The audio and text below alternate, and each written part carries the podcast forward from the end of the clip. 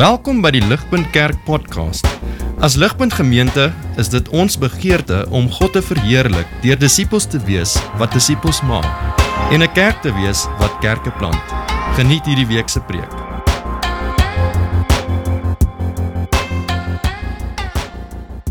Vriende, ek wonder of julle uh, weet as ek moet vra wat gebeur die 1 November, uh, wie vir my sal kan sê wat dan gebeur? Dis 'n groot datum.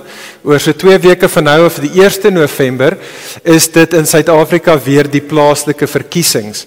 Wat uh, wat beteken dat op hierdie stadium as jy op in die paaie ry op elke liewe uh, telefoonpaal is daar plakkate van politieke partye en elkeen van die politieke partye op hierdie stadium probeer jou en my ooreed om vir hulle te stem sodat ons vir hulle geleentheid sal gee om oor ons te kan regeer.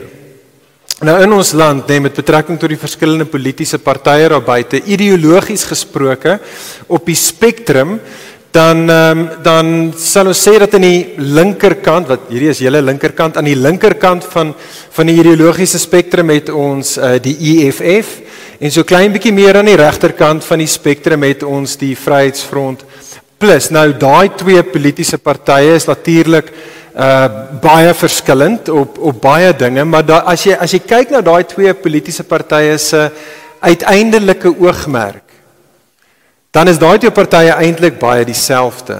Inderdaad, ek sou sê dat daai twee partye is eintlik van al die partye in terme van dit wat hulle oogmerk is, is hulle eintlik die naaste aan mekaar van van al die partye daar buite. En dit is dat beide daardie twee partye vriende lê klem op die behoefte na vryheid.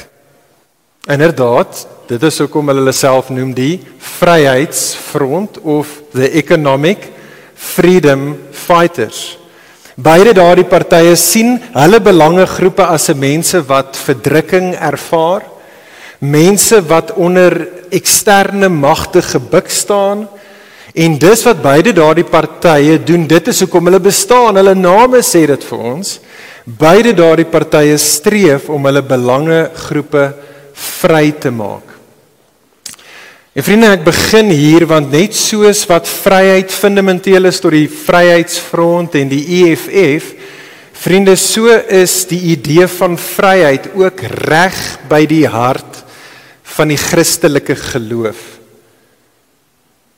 Inderdaad, wanneer die Bybel kan gesien word in 'n mate as God se manifesto aan die wêreld wat wat uitroep en vir ons as die mensdom sê dat die mensdom is 'n mense wat gebuk staan onder slawerny, onder magte wat wat wat die mens as dit ware gevange hou. En en en God se woord is is is hierdie is hierdie manifesto wat uitroep en sê dat 'n nuwe era het ingebreek waarin daar nou die diepste moontlikste vryheid nou beskikbaar is, bekombaar is. Vriende, dit is die Christelike geloof, dit is waaroor dit gaan. En dit is wat ons vanoggend spesifiek oor wil saam nadink. Ek wil hê ons moet vanoggend saam nadink in daai gedeelte wat vir ons gelees was, juis oor dit. Waarvan vriende het ons as die mensdom nodig om vrygemaak te word? En tweedens, hoe presies kan die mens vrygemaak word? En dit is wat ek wil hê ons moet samer nadink en ons gaan kyk na daai gedeelte wat vir ons gelees was in Johannes hoofstuk 8. Maar ons gaan spesifiek inzoom vanoggend op een versie wat ons die heeltyd na toe gaan terugkom in daai gedeelte en dit is Johannes hoofstuk 8 vers 36. Hierdie is kyk saam met my aan julle gedeelte. Hierdie is die ongelooflike stelling wat Jesus hierso maak. Hy sê if the son sets you free then you will be free indeed. If the Son sets you free, then you will be free indeed. Vriende, hierdie woorde van Jesus spreek Jesus hierso soos wat hy en jy sit in die gedeelte opgetel het soos wat Jesus in die tempel is. Hy is daar in 'n vurige debat met die Jode in die tempel en hierdie stelling van Jesus wat reg in die middel van die gedeelte is, is regtig die groot die groot hou wat Jesus gooi in die gedeelte. En alles voor daai versies en alles na daai versies help vir jou en vir my om te verstaan wat Jesus bedoel as hy sê in Johannes 8 vers 36 if the son sets you free you will be free indeed. En so dit is wat ek wil hê ons vanoggend na moet kyk. Twee vrae wat die res van die gedeelte vir ons gaan beantwoord om te verstaan wat Jesus in vers 36 bedoel OK, so hier's die eerste vraag. Soos reeds genoem, vriende, waarvan het die mens nodig om vrygemaak te word? Kyk saam met daar in die gedeelte. Ons is in vers 31. So ons half kyk na die tweede gedeelte eers, dan sal ons terugkom na die eerste gedeelte van ons teksgedeelte. Kyk aan vers 31. Op hierdie stadium soos ek gesê het, Jesus is daar in die tempel saam met die Jode. Jesus maak hierdie aankondiging, dis net so ongelooflik. Jesus sê if you abide in my word, sê hy vir die Jode, you are then truly my disciples and you will know the truth and the truth will set you free. En so toe Jesus daai taal gebruik van as jy in my glo, as jy my gehoorsaam, dan sal dan dan sal die die waarheid jou vrymaak toe dadelik toe uh, object die Jode daarso by Jesus. Hulle sê daar in vers 33, hulle reageer, hulle sê wag, wag, wag, so 'n bietjie Jesus.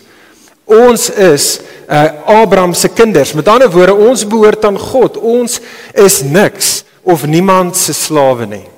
En dit is wat hulle vir Jesus sê en wat Jesus dan gaan vriende in die res van daai verse vorentoe is Jesus sê vir hulle nee julle is Beide julle, ja selfs julle goeie godsdienstige Jode, julle is slawe inderdaad. Die ganse mensdom is van nature af slawe. En in hierdie gedeelte wys Jesus en gemaak Jesus die punt dat beide hulle, maar vriende ook ons as die mensdom is van nature af slawe van drie verwante slawedrywers en dit is wat ek wil hê ons moet sien eerstens. Eerstens daarso sê Jesus vir hulle, julle is slawe van sonde vers 34 lees saam met my Jesus sê truly truly I say to you everyone who commits sin is a slave to sin Dit is belangrik vir ons om te verstaan wat Jesus daarso sê en nie sê nie. Jesus sê nie so seer daar elkeen wat sonde doen word 'n slaaf nie. Jesus sê eerder dat elkeen wat sonde doen wys dat hy of sy 'n slaaf van sonde is. Die taal van vers 35, letterlik net die volgende versie daar, gebruik Jesus hierdie illustrasie van 'n slaaf wat uiteindelik die huis moet verlaat en en daai prentjie van 'n slaaf wat die huis moet verlaat moet jou en my gedagtes terugvat na Genesis hoofstuk 3 toe. Jy sien wat in Genesis hoofstuk 3 waar ons hoor van die oorspronklike sonde van Adam en Eva daar in die tuin toe hulle gerebelleer het teen God se heerskappy, wat het gebeur? Genesis 3 vers 24, God het vir Adam en Eva buite die tuin geplaas, buite sy huis geplaas. En so wat dit vir jou en my aan moet herinner, vriende, is dat ons as Adam en Eva se nageslagte, ons is 'n mense wat nie net maak soos Adam en Eva nie, maar ons is in Adam en Eva. Ons deel in hulle hartsdisposisie. Ons is 'n mense wat van nature af, dit kom vir ons natuurlik. Dit is so moeilik om dit af te leer. Ons is 'n mense wat van nature af rebelleer teen God se heerskappy oor ons lewe. Wat dit verwerp en maar eintlik maak net soos wat uh, ons oorspronklike ouers gedoen het. Hoor hoe Paulus dit stel in Romeine hoofstuk 3 vers 9 tot 10. Paulus sê in Romeine 3 vers 9 tot 10 sê hy for we have already charged that all all both Jews and Greeks are under sin. As it is written no one is righteous. No not one. No one understands. No one seeks God all have turned aside. Together they have become worthless. No one does good. Ek wonder wie van julle het al die storie gehoor. Is 'n ou fabel. Ek dink dit is al honderde honderde jare oud. Die fabel van die van die skorpioen en die padda. Ken julle daai storie? Die die die fabel gaan as volg is die die skorpioen kom by die para en en hy sê vir die para luister die para hoor jy ek wil baie graag aan die ander kant van die rivier uitkom maar die probleem is skorpioene kan nie swem nie. So kan ek asseblief op jou rug klim en dan en dan en dan piggyback jy my net na die ander kant toe van die oewer van die rivier. Die para sê vir die skorpioen luister daar's nie 'n manier wat ek vir daai ene geval nie. As jy op my rug gaan klim dan gaan jy my doodmaak. Dis wat skorpioene doen. Hulle maak paddas dood Uh, die skorpioen sê toe vir die paranouhuis, ek hoekom sal ek dit doen? As ek jou doodmaak, gaan ek verdrink. En toe dink die, die para vroomlik en hy sê, "Oké, okay, dit maak sin." En hy stem toe in en die skorpioen klim op para se rug. En daar swem hulle oor die rivier. Halfpad deur die rivier toe voel die padda die skerpioen se stert sy nek deurboor. En die padda skree uit vir die skerpioen. Hy sê vir hom: "Skerpioen, hoekom het jy dit gedoen? Nou gaan albei van ons sterf." Waarop die skerpioen toe vir die padda antwoord en sê: "Jy is reg. Jy is reg. Maar jy sien ek kon dit nie help nie. Dit is my natuur. Dit is my natuur." En vriende, soos die skerpioen, so ook ek en jy. Vriende, hierdie is die slawerny waarvan Jesus hier verwys in hoofstuk 8 verse 34. Vriende, ons is van nature af slawe tot sonde. Hoor mooi, ons is nie sondaars so seer omdat ons sondig nie. Ons sondig eerder omdat ons sondaars is. En dit is so belangrik vir jou en vir my om te verstaan. Vriende, sonde is nie per se die stoute of die lelike of die verkeerde goedjies wat ek en jy doen nie. Sonde is baie dieper, is baie meer fundamenteel. Sonde volgens die Bybel, vriende, is eerder jou en my ingebore en ons ingeoefende hartsdisposisie wat net soos Adam en Eva uitroep in ons woorde en in ons dade uitroep en vir God sê God ek wil my eie baas wees. God ek wil die koning wees van my eie koninkryk. Ek wil my wil laat geskied. Ek wil vir myself lewe en God ek weet beter as jy hoe ek vir my 'n paradys teweeg kan bring. Vriende, dit is wat dit is wat sonde fundamenteel is. Sonde is hierdie gees wat ek en jy mee gebore word, wat ek en jy so sukkel om af te skud. Sonde is hierdie gees van selfstandigheid binne in jou en my. Hierdie gees van selfgesentreerdheid, selfverheffing, selfverheerliking wat so sterk binne in jou en my woed. O vriende, wie van ons ken nie die mag en die trekkrag van daardie innerlike gees nie? Vriende, wie van ons is nie pynvol bewus van die destruktiewe gevolge van hierdie innerlike slawedrywer waarmee ek en jy gebore is nie. Sonde, vriende, is 'n aaklige baas om in jou lewe te hê. Want soos enige slegte baas wat sonde doen, is hy beloof so baie, maar die salaris wat hy jou betaal is nooit goed nie. Op die ou einde van die dag wat sonde doen is, sonde vervreem ons van God. Dit vervreem vir jou en my van ons eintlike menswees. Ons word minder mens soos wat ons op die paadjie van sonde afstap en dit vervreem ons van ander. Vriende, sonde vernietig stelselmatig alles wat goed en alles wat mooi in hierdie wêreld is. En dit sê Jesus is die eerste van ons slawedrywers. Hy gaan aan, hy sê vir die Jode daarso tweedens en dit is totaal verwant hierdie goeders nie eintlik apart nie. Jesus sê tweedens julle is slawe van die duiwel. Kyk sommer daarso in vers 9 in die teksgedeelte. Vers 39 toe Jesus vir hierdie ouens sê luister julle slawe van uh, julle sonde toe ruk hulle weer hulle ehm um, jy weet hulle CV uit en hulle sê weer soos tevore sê hulle daarso in vers 39 nee nee nee nee ons is Abraham. Ons het vir Abraham as ons vader nie net dit nie nou maak hulle dit 'n bietjie duideliker want hulle dink nie Jesus het hulle so mooi gehoor die eerste keer nie. Vers 41 nie net is Abraham ons vader nie maar God is ons vader. Waarop Jesus dan reageer en hy sê vir hulle lees saam met my vers 42 Jesus sê vir hulle if God were your father you would love me for I came from God and I am here. I came not of my own accord but he sent me. Why do you not understand what I say? It is because you cannot bear to hear my word. You are of your father the devil. En hoor hierso hulle hulle hulle hulle hulle gebondenheid aan hulle Vader. And your will is to do your father's desire. Ons almal ken die Engelse gesegde nê, like father, like son.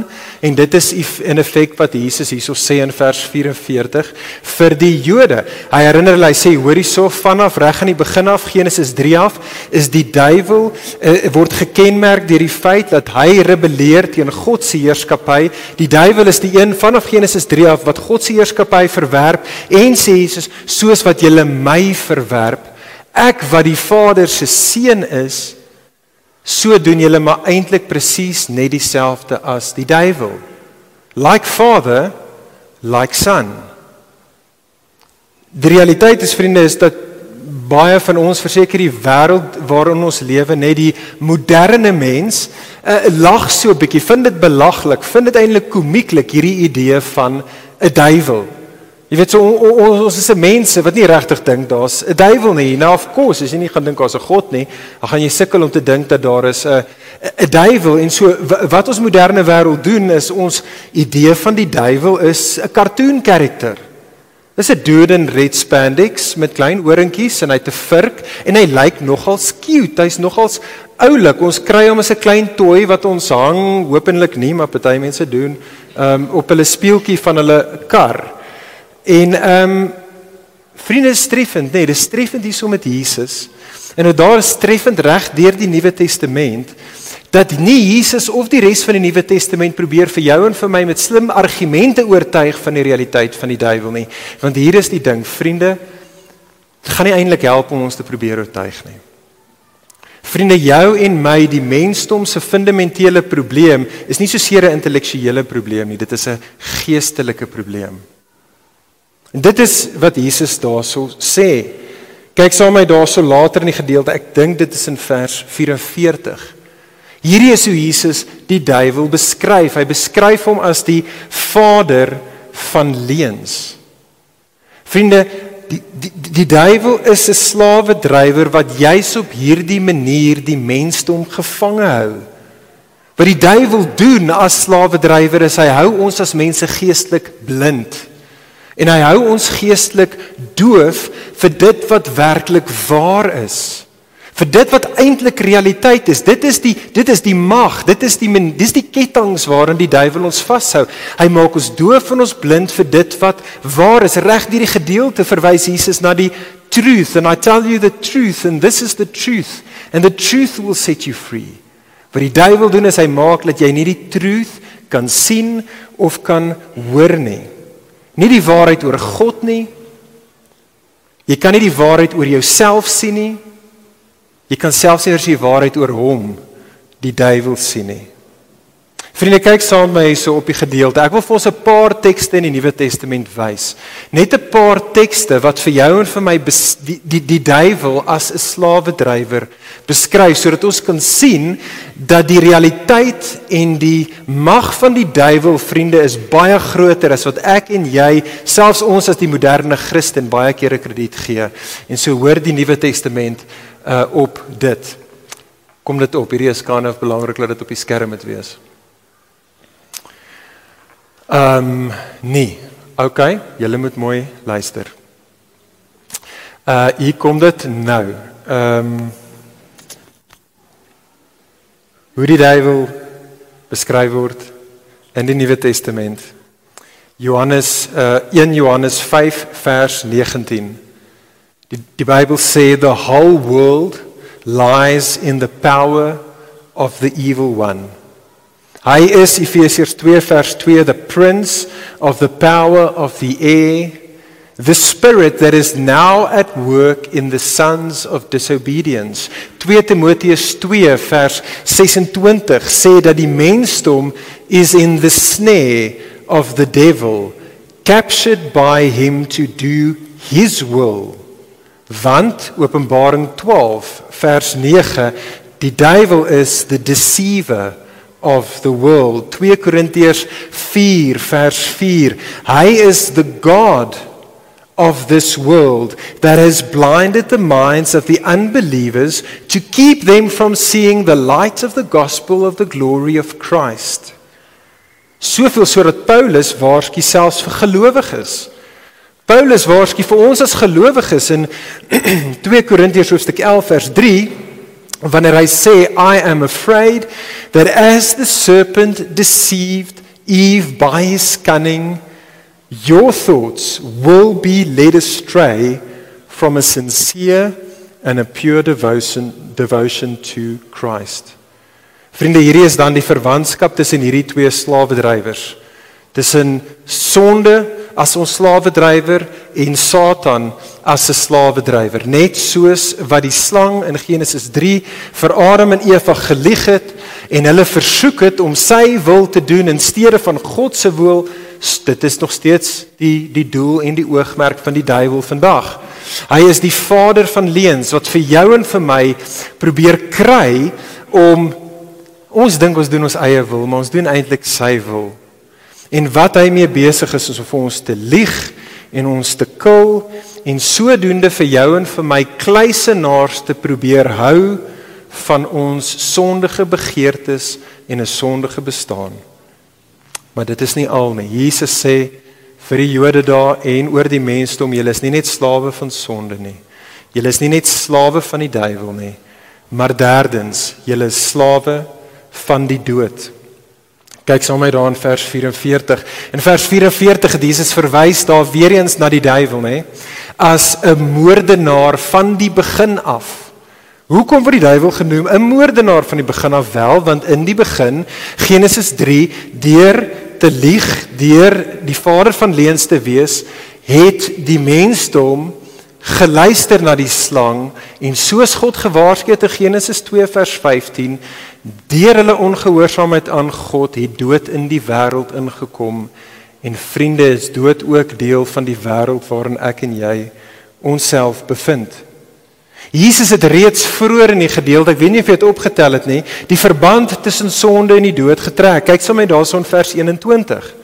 Vers 21 het Jesus vir die Jode gesê, "You will die in your sin."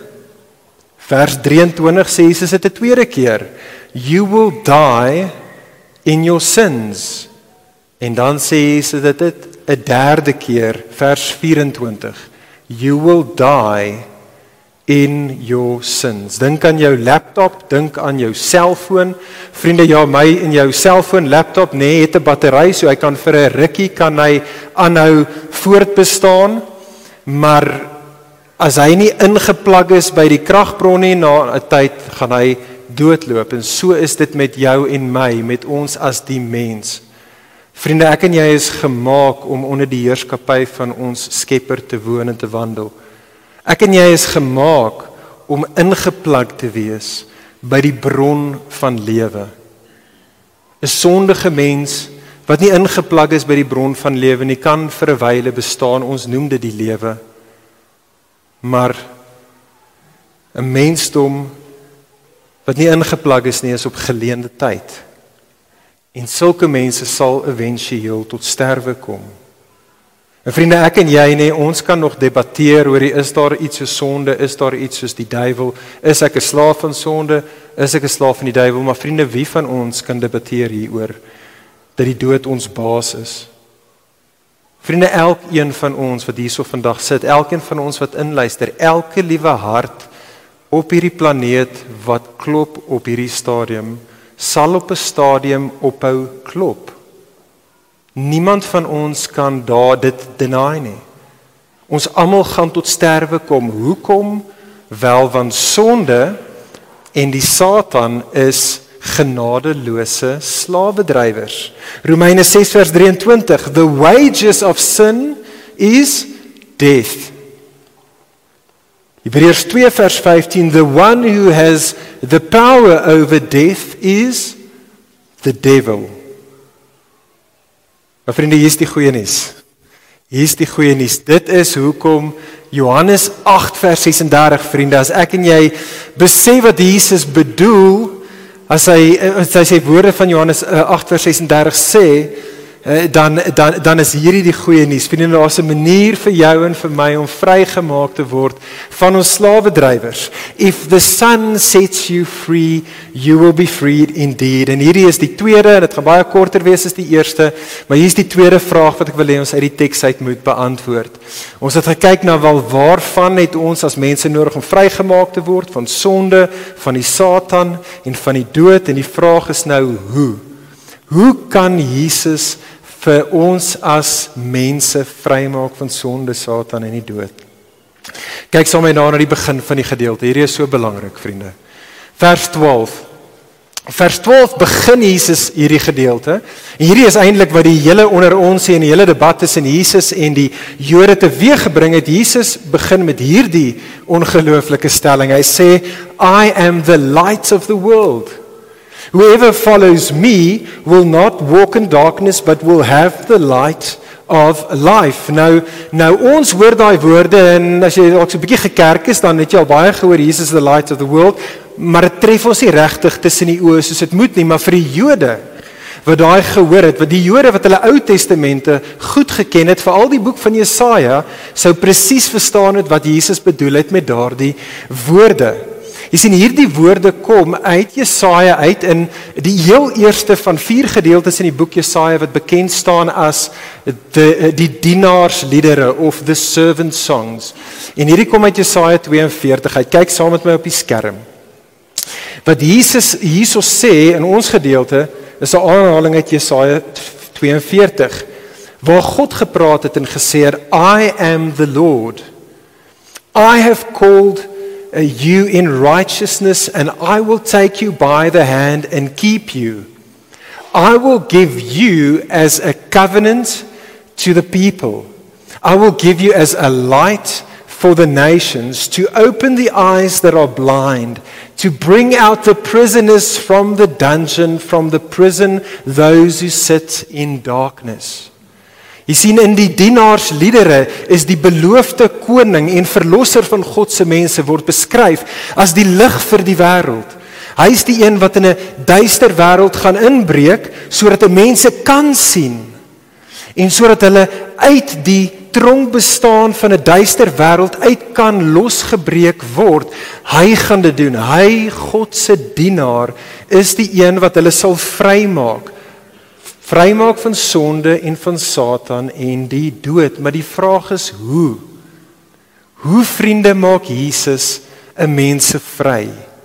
Kyk in ons gedeelte in vers 21. Jesus vriende maak ons vry van ons slawerny deur weg te gaan. Hy sê in die begin van die gedeelte ek het gekom maar ek het gekom sodat ek eintlik kan weggaan. Vers 21 I am going away. Where I am going, you cannot come. Nou toe Jesus sê I'm going away, net in die volgende vers daarso, verstaan die Jode dat Jesus verwys na sy dood. Hulle vra daarso, hoorie, toe hy sê I'm going away, gaan hy homself doodmaak? Vra die Jode. Nou hulle is halfpad reg. Toe Jesus sê I'm going away, is die antwoord ja, ek gaan sterf, maar dis nie ek wat myself gaan doodmaak nie. Dit is julle wat my gaan doodmaak. Vers 28 When you have lifted up the son of man then you will know that I am he that I am the suffering servant of Isaiah. Vriende hoor dit asseblief tog mooi. Hoor mooi. Reg deur die evangelie van Johannes wanneer ook al Jesus na homself verwys as die seun van die mens wat opgelig sal word, dan verwys Jesus na sy kruisdood. En vriende, hierdie is die evangelie. Hoor dit asseblief weer vanoggend. Ons het dit reeds genoem, ons het dit reeds gesing, maar hoor dit uit hierdie gedeelte uit weer. Vriende, die goeie nuus van Christendom is dat Jesus kan ons vrymaak. Jesus is die een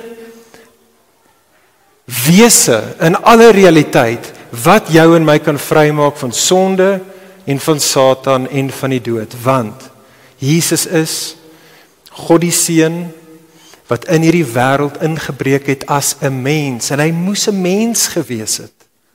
Jesus het in hierdie wêreld ingekom as die tweede Adam, as die beter Adam. En dit wat daai eerste Adam nie reg gekry het nie, het hy gedoen.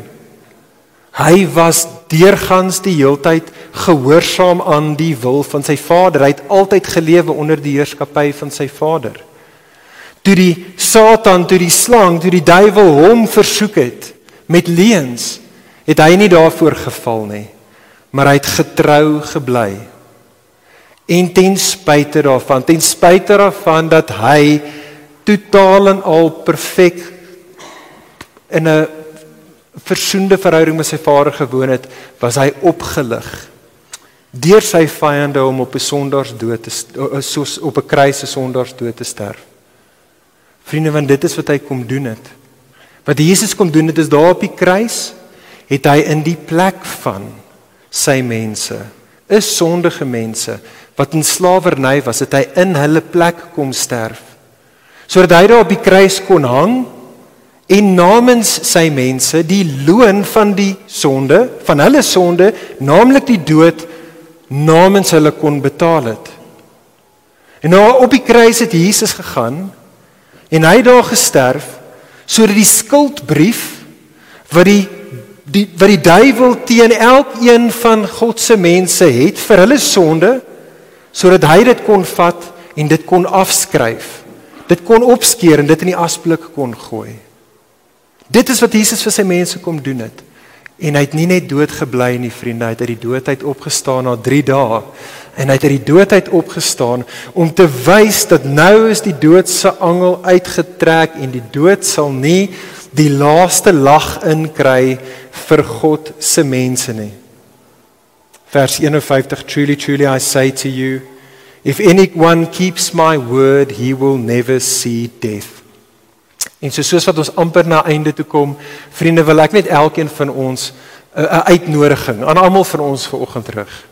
Ek wil uitnodiging rig vanoggend aan jou as jy hier is of inluister en jy is nog nie 'n gelowige nie en dan wil ek 'n uitnodiging rig aan ons wat reeds gelowiges is. En so as jy nie 'n gelowige is nie, uh, kan ek jou vanoggend uitnooi. Vriend, vriendin, slaan ag op Jesus se woorde in vers 36. Jesus kan En Jesus wil jou vrymaak. Jy wil vrygemaak word. Ons almal wil.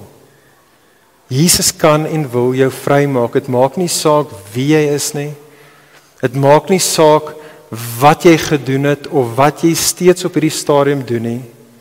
Dit maak nie saak hoeveel keer Jesus se lig al in jou lewe ingeskyn het en jy het dit probeer demp en jy het probeer weghardloop na die donker hoeke van jou bestaan toe nie. Dit maak nie saak wie jy is nie. Jesus het die mag en die begeerte om die ketTINGS wat jou vashou af te knip, dit los te breek. Jesus kan jou vrymaak. Hy kan dit doen want hy het Op 'n kruis het hy die loon betaal vir die sonde wat 'n mensdom verdien. Hy het daarso het hy die duiwel oorwin en hy het uit die dood uit opgestaan. Kan ek jou uitnooi ongelowige, nie Christen, kom na hierdie Jesus toe. Kom vertrou in hom. Kom onder sy heerskappy. Dit is daar onder sy heerskappy wat jy nou reeds en vir alle ewigheid die goeie lewe sal geniet. Kom na Jesus toe laat hy jou vrymaak. Vir ons as gelowiges is hierdie die uitnodiging. Christen wat vandag hierso sit, slaan asseblief ag op Jesus se woorde van Johannes 8 vers 36. Jesus Christen, Jesus het jou reeds vrygemaak. Glo dit. Christen, jy is reeds vry. Nou jy mag hier so sit en jy mag sê, "Boen, maar ek is nie vry nie. Ek voel alles behalwe vry. Ek sukkel nog steeds met my sonde. Die die duiwel voel vir my asof hy elke liewe dag die fight wen in my lewe en ek is so bewus dat ek op pad is na 'n dood toe." Hoe is dit dat ek kan vry wees? Vriende, ons is vry en hierdie hierdie is belangrik vir ons om te verstaan want dit is hoe die Nuwe Testament in ons kommunikeer. Ons is inderdaad vry, maar ons bevind onsself in hierdie kom ons noem dit maar die oorvleeling van twee wêrelde, van twee koninkryke. Die illustrasie wat ons al tevore gebruik het is dit van uh, die Tweede Wêreldoorlog en van die day. Die day was ek dink eers in 1944 toe die geallieerde magte uh, in Normandy ingekom het en daar die vyand 'n nekslag toegedien het. Op daardie stadium het almal geweet wie het gewen. Die wêreld was weer in een sin reeds vry. Maar daai laaste stuiptrekkings van die vyand van die nasies het nog aangehou so omtrent 'n jaar tot die uiteindelike finale uh nekslag wat hulle toegedien was.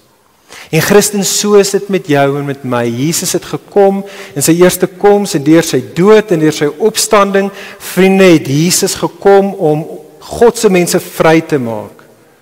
Maar ja, ek en jy bevind onsself nog steeds in hierdie wêreld waar ek en jy nog steeds sukkel met sonde en waar die duiwel versekerde brullende leeu is wat jou en my aanval en waar ek en jy nog steeds fisies moet sterf. Maar Christen glo hierdie. Jy moet hierdie glo. Hier is die stryd van geloof. Jesus het jou reeds vrygemaak. So hou op Christen om aan te hou te dink aan jou Vader as iemand wie jy moet probeer punte byskoor sodat hy jou Vader sal wees en jy in sy paradys weer kan inkom. Hou op om aan te hou te dink en vir die duiwel meer mag te gee as wat hy eintlik het. En aanhou deur jou lewe te gaan en ding luister, ek kan nie eintlik help ook is nie want kyk hier daar is net hierdie kragte wat net baie sterker is ek. Ek hou op daarmee. Christen moenie die dood vrees nie. Ons almal gaan sterf. Maar soos die Nuwe Testament sê, ons gaan nie regtig sterf nie. Ons gaan net slaap vir 'n oomblik en dan sal ons opstaan want ons sal vir ewig lewe saam met saam met Jesus. En so Christen hoor dit, glo dit, besef dit. Jy is vry. Gaan lewe nou as iemand wat vry is. Gaan lewe in jou vryheid. Nou om vry te wees Christen, ons moet hierdie mooi hoor, dit niks te doen met jy gaan is autonomiteit nie. Om vry te wees beteken nie ah nou kan ek net doen wat ek wil nie.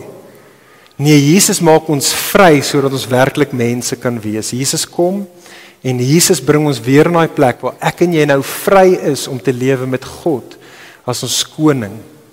Vriende, dit is daar waar ek en jy nou en vir alle ewigheid die goeie lewe so sal kan geniet. En vriende, ek wil hiermee afsluit. Ek wil afsluit. 1 November uh, gaan die politieke partye kom en hulle gaan wie alle beloof wel klaar weer vir ons die wêreld. Ek het nie baie hoop nie to be honest. Ek het nie baie hoop nie want dit voel vir my op die beste van tye daai partye daar's so baie van hulle wat eintlik meer hulle self dien as wat hulle eintlik ons gaan dien of wil dien. En selfs die ouens met hulle goeie intensies voel vir my dat hulle net nie die trek record dat hulle dit kan doen wat hulle vir ons beloof nie. Maar so is dit nie met Jesus nie. Jesus is 'n koning, vriende, aan wie ek en jy ons lewens kan toevertrou. Want die Jesus wat jou en vir my kom sê is kom dien my is die een wat ons eerste gedien het. Jesus is die koning wat sy lewe neergelê het vir ons. En Jesus is die een wat uit die dood uit opgestaan het. Ek en jy kan ons lewe vir hom gee en hom is daar 'n goeie lewe nou en vir alle ewigheid. Vriende, glo dit. If the sun sets you free, you will be free indeed. Gaan lewe in die lig hiervan. Kom ons bid saam.